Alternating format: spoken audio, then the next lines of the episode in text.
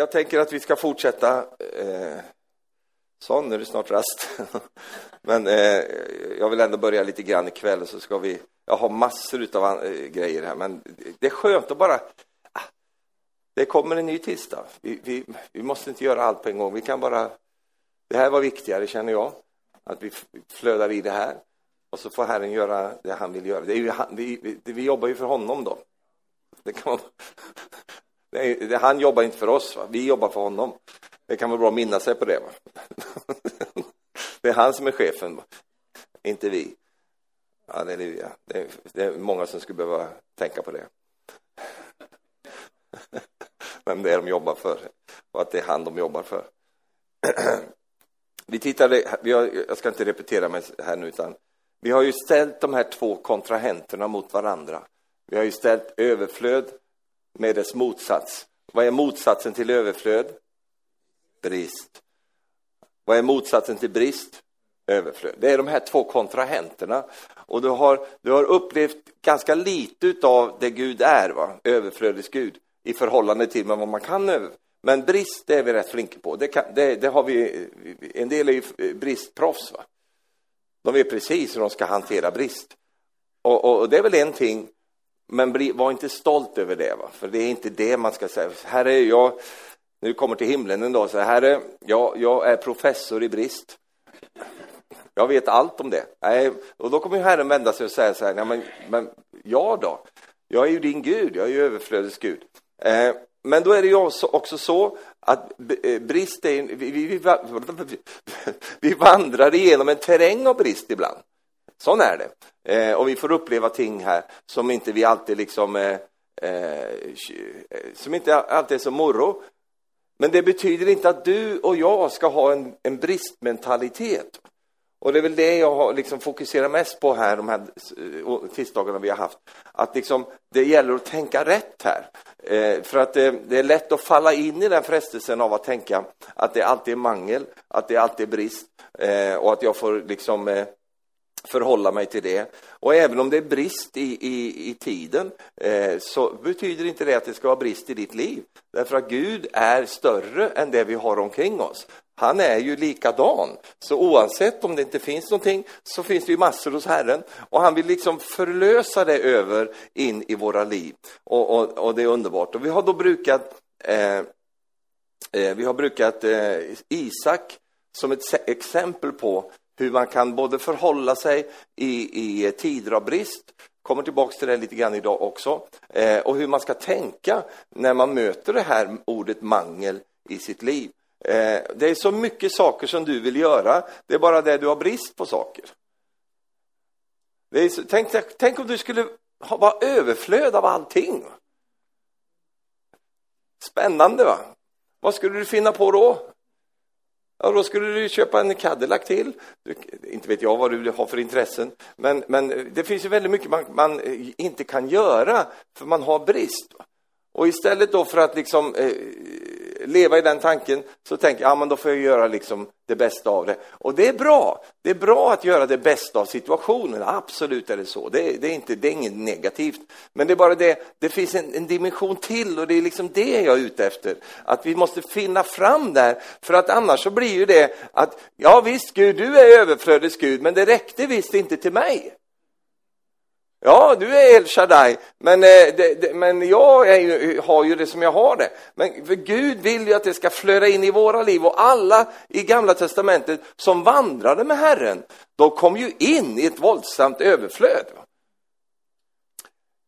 Ja, tack för det. Eh.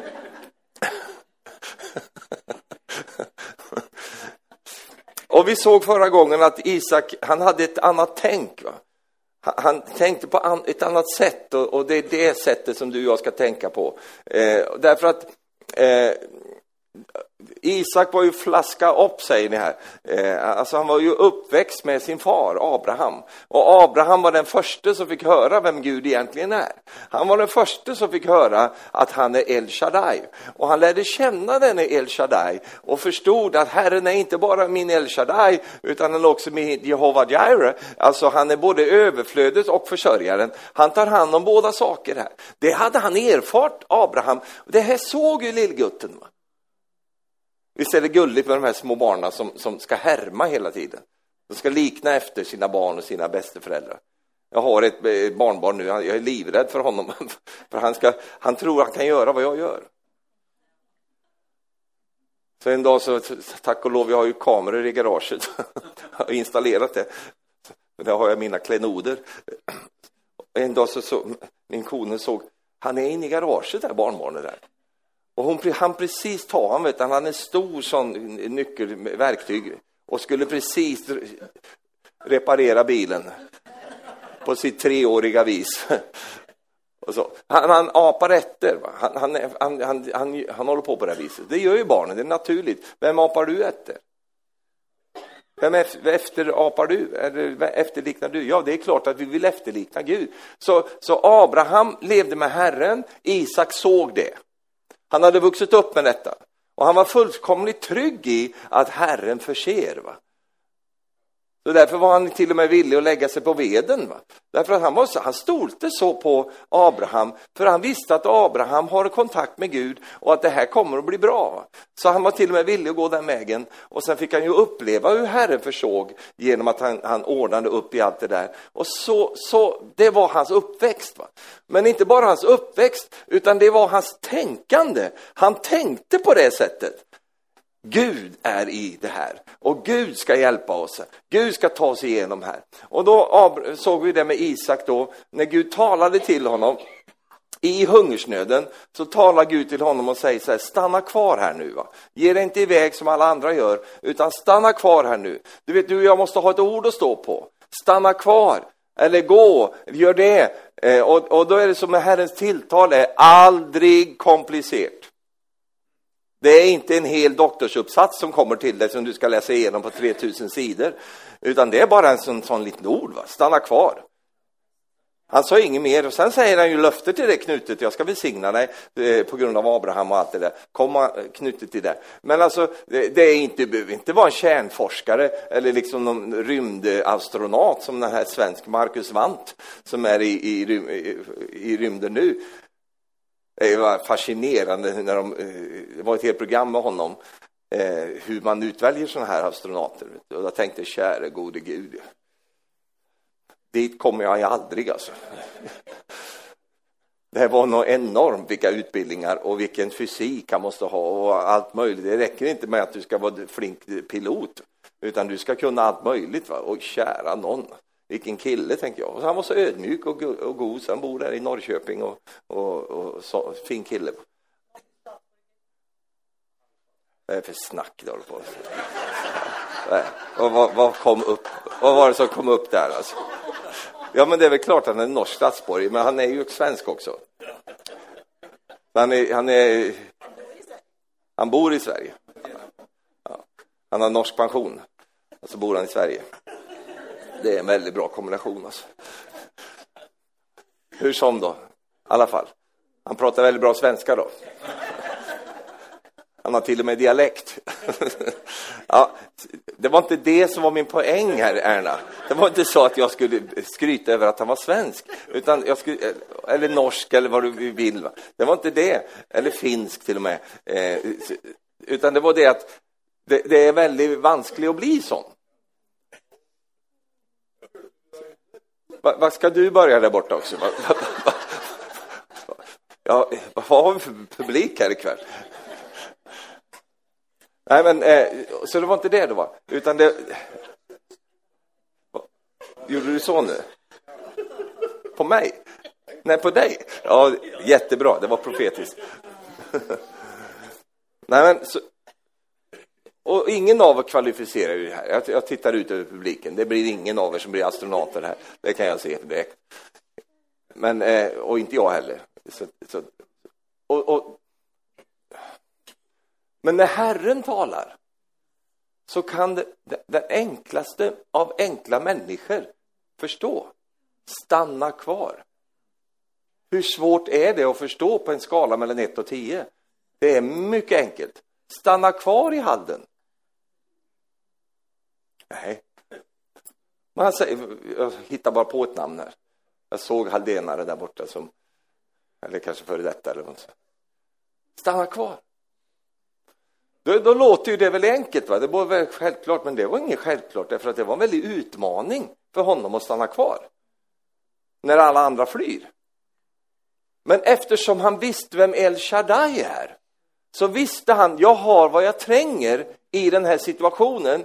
Så jag behöver inte, jag är inte avhängig av att jag liksom blir bekräftad av allt annat runt omkring, utan jag bara lyder detta, jag stannar här då. Det säger Gud, men sen så får han själv finna ut vad han ska göra när han stannar kvar. Det här är en del som missar här. För Gud säger någonting och sen så, då, då gör de det, sen gör de inget mer. Utan då sitter och stannar de bara kvar. Vad gör du? Jag stannar kvar. Ja, men vad gör du på dagarna? Stanna kvar. När går du upp på morgonen? Stanna kvar. Jag går aldrig upp. Jag stannar kvar i sängen. Så stannar de kvar, det är fint. Men det var inte riktigt det. Så för att Herren är sån att han vet att du och jag har ett förstånd. Och någon säger, aha, det är klart att han vet det. Att du har en förmåga att själv kunna finna ut saker och ting. Han stoler också på dig. Och det gjorde han ju på Isak också. Och Isak, han hade inte den där bristmentaliteten, men han visste en ting, att jag stannar kvar nu. Det är inte vad Herren säger till dig nu. Vi pratar om Isak nu, för de sitter någon och tänker, ah, vad betyder det? Ska jag stanna kvar? Ska jag stanna? Det var ju inte det som var grejen här, utan grejen var ju att någon som kom på sig själv här nu. Är det, ah, amen, kanske det här. Det, det, det var ju till Isak han sa det. Men jag, jag talar ju om principen. Snart kan man ju inte använda några bibelord alls. Det, var, det är själva principen vi pratar om. Och då så säger han, stanna kvar. Och då han, då hade han satt ner sin fot i det löftet. Varje ord som din fot beträder. Vad betyder det? Det är löftet. När du ställer dig på det ordet som Gud säger, låt, låt inte denna lagbok vara skild från din mun. Tänk på den både dag och natt så att du i alla stycken håller det som är skrivet i den och gör därefter. Ty då ska du vara eh, lyckosam och då ska du ha framgång i allt vad du företar dig. Stanna kvar. Så då har han det ordet där. Men det, det ordet känns ju fattigt eftersom nu står han där och så tänker han ju när han står där, okej, okay, nu ska jag stanna kvar här. Vad betyder det för mig? Och det är där bristmentalitet eller överflödsmentalitet avgör hela saken. För då tänker han så här, jag tänker inte i brist här nu. Nej, nej, nej, nej, för min Gud, han är mer än nog. Så det betyder nu, även om det är hungersnöd här, så är det så att min Gud, han är en Gud som förser och min Gud, han är överflödets Gud. Jag har ett ord att stå på och det står jag på och så stannar jag kvar. Det är skönt att veta sådana där saker. För då betyder det att då kan du i alla fall slappna av när det gäller det. För en del kan ju aldrig slappna av, de stannar ju aldrig i något löfte, utan de håller ju på hela tiden och då blir det inte mycket gjort. Utan då handlar det bara om, ska jag icke picke pö, bodde på en ö, vad ska jag göra för någonting? Eh, men när du vet det, håll dig kvar där, ja, och då så kom han igång med sitt kreativa tänkande. Och det är det här som jag vill ägna den här, här eh, eftermiddagen, inte riktigt eftermiddagen, den här kvällen åt, att tala om vad var det som gjorde att eh, Isak då bröt sig igenom. Och vi var inne på det förra gången, men inte riktigt åt, inte tillräckligt. Ja, eh, utan jag vill, jag vill att vi ska titta på någonting här. Halleluja. Amen. Vad är det vi ser hos Isak? Jo, vi ser jag skulle vilja ge dig tre, tre definitioner på egentligen samma grund. Eh, och det är det ena vi ser att han var en givare. Det var hans mentalitet. Han hade en, en eh, givarmentalitet. Det kan du se överallt här. Det hade han från Abraham också. Nummer två, det är att han var en såningsman. Och du kommer att se här i nästa lektion att det finns en, en, en viss skillnad mellan att vara en givare och att vara en såningsman. Det är en skillnad på de två sakerna. Vi ska se vad det, vad, vad det är för skillnad. Eh, han var en givare, han var en såningsman och eh, det ligger egentligen i samma ord där. Va? Han var generös. Va? Det är tre karaktärsträck som finns i Isak. Eh, och genom att han hade de här tre träcken här i sitt liv så blev, blev han alltid en resurs. Du vet att det är många människor som, som ser dig som en resurs. Det ska du tacka Gud för. Det är bra det. De, de, ser, de ser att du är en som, som kan lösa saker och ting. Det finns en resurs med dig.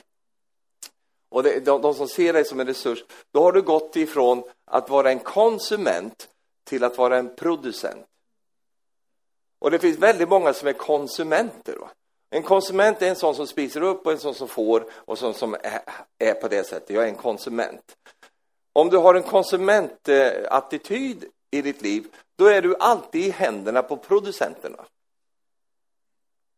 Jag menar, du vet ju, vi, vi lever i ett konsumistiskt samhälle där man konsumerar hela tiden. Eh, och, sånt. och det är så ekonomin går runt. Va? Det är att ju mer man konsumerar, ju mer snurr blir det på hjulen. Därför är det kris också. Därför att folk, när folk konsumerar mindre, ja men då, då har vi ett problem. Va? Så man måste hålla igång de här hjulen. Va? Eh, och så. Och, och, och, så vill också fienden att du ska leva ditt liv. Att du, att du bara ständigt ska vara en konsument. Så du bara har, liksom konsumerar hela tiden. Och det är, vi gör det också. Men Gud vill ju föra dig från att vara till den typen av människa till att vara en Isak. Isak var en producent. Han tänkte inte i konsumtion, utan han tänkte i produktion. Ah, alltså det här, Stefan är bra ikväll, han är det faktiskt, det, det, det känner jag själv alltså. Jag hör, jag hör att han är bra. Därför att vi lever i, äh, folk är så konsumistiska. Va? De springer på det ena mötet efter det andra för att konsumera till sig själv. Men Gud vill ju föra oss till en punkt där vi kan producera saker, det vill säga leverera, vara utgivande. Och du vet att eh, eh, eh, ett kännetecken på vem Gud är, alltså det främsta kännetecknet det är att han är kärlek, men det andra kännetecknet är att han är givaren. Va? Han är den som ger och ger och ger igen. Va? Han är en givare. Så när du kommer till Gud, vet du vad han säger till dig då? Svara inte för jag ska, jag ska säga det själv. vet du vad han säger till dig när, kom, kom, när du kommer till honom? Han säger följande. Vad kan jag göra för dig? Vad säger han till Bartimeus? När Bartimeus sitter där i sin blindhet, vad säger Jesus då? Jo, han säger, vad vill du att jag ska göra för dig? Varför är det så? Jo, därför att han är en producent, han är en givare, han är utgivande i hela sitt eh, väsen. Det är sån han är. Och du vet att när du kommer till den punkten i ditt liv där du, där, där liksom, du, du kanske tycker själv att det inte är så, du inte har allting och, och alla sådana saker. Det finns mycket saker du vill ha mer utav. Men ditt tänk är, vi måste ju ordna det här. Så du får till det på något sätt. Då är du inne på rätt sida av den här eh, halvan här. Då är du inte bara en konsument, utan du tänker som en producent. Isak var en producent. Och jag vill säga det därför att han gjorde någonting som konsumenter inte gör. Han tog av det han kunde spis själv till att investera i framtiden. Och när du och jag tänker, eh, tänker i våra liv så, och, och, och, du säger dig hungersnöd, jag måste ha, jag måste ha, jag måste ha, jag måste ha. Så glömmer man en ting och det är att den säd och såkorn som finns i ditt liv är inte bara till för dig utan det är också till för din framtid. Producenter tänker, vi kan inte spisa upp allting, vi måste så också in i en framtid. Och det var exakt det Isak gjorde. Isak, Isak sådde i hungersnöden. Där bröts hungersnöden. Halleluja. Jag vet inte hur mycket sådd han hade att så med. Det vet jag inte, det förtäljer inte historien.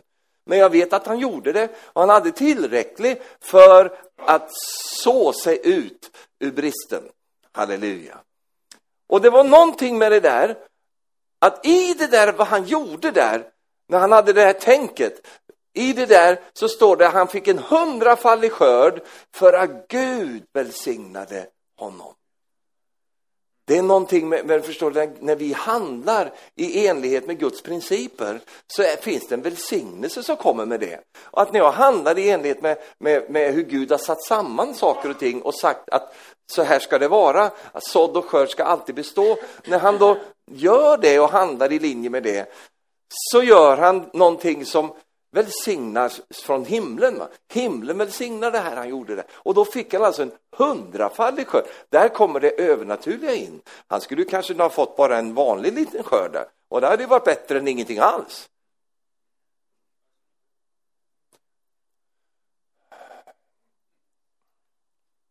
Och det är det här som Herren längtar efter att få hjälpa oss med. Först vill han hjälpa oss att fylla våra behov, absolut. Men det är inte det, är inte det är hans största hänsikt, utan han vill hjälpa dig och mig så att vi kan fylla andras behov. Han vill att vi ska gå från att vara konsumister till att vara producenter. Att vi med våra liv, det är då min vän, det är då du kommer in i den här meningsfullheten som livet kan bringa. Vad är meningen med livet? Det är att jag ska vara en sån som Isak. Som i, mitt i ett elände, i en hungersnöd, så är det. Jag tänker på de här, alla dessa fantastiska Guds, och, Guds män och kvinnor som har varit ute i mission i så många generationer. Varit ute. De har kommit ut i de mest fattiga, eländiga omständigheter. Det finns ju två kända, de är väl hemma hos Herren nu tror jag, men de här norska damerna va, som var ute där va, och ledde sitt liv ute i, i eh, Indien och, och, och så. Jag har varit och besökt, eh, eh, jag har inte träffat eh, den ene då. Jag, jag, tror att hon är hemma hos Herren nu, men hon var ju jättegammal då. Men eh, arbetet, de har levt sitt liv där ute. Vad gjorde de där ute? Spiste de utsädet eller? Åh, oh, vad mycket vet vi spiser själva här. Nej, de blev producenter. Så de tog utav principerna vi pratar om. De hade det ju inte enkelt själva heller. Det var ju inte så att de hade liksom vunnit på Lotto och sen spred ut massa mer. Nej, utan de, de var ju i, i, i norska förhållanden så var de väldigt enkla människor. Men när de kom ut där så gjorde de någonting med sina liv och med dem de hade där. De hjälpte dem, byggde sjukstugor och ordnade med, med ting och såg till att de fick vad de behövde och också utbildade barnen och, och hjälpte dem så att de skulle kunna komma igång så att de själva sen skulle kunna bli eh, och få ett bättre liv. Jag menar, det är många missionärer som har jobbat på det viset där. Eh, och, och, jag tror på den, eh, det, det sättet alltså. Att Gud kan sända dig och mig rätt in i en hungersnöd. Och vet du vad? Genom det sätt vi förstår att Gud är och handlar med hans principer så kan vi vara med och bryta hungersnöder överallt. Va?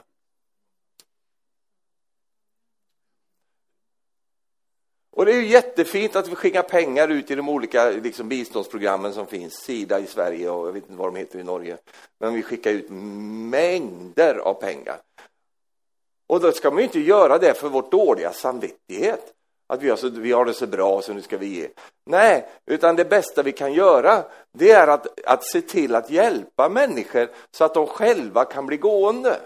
Så att de inte alltid är beroende, avhängiga av bidrag hela tiden, som vi bara pöser på, pöser på, pöser på. Utan det är ju mentaliteten som vi är kallade att föra vidare in i människors liv. Så att istället för att, som vi, vi har nämnt det här, vara som, som, den, som en kines, eller eh, det är kinesiskt ordspråk, säga så här, att ge, ge en man en fisk så har du mättat honom den dagen. Va?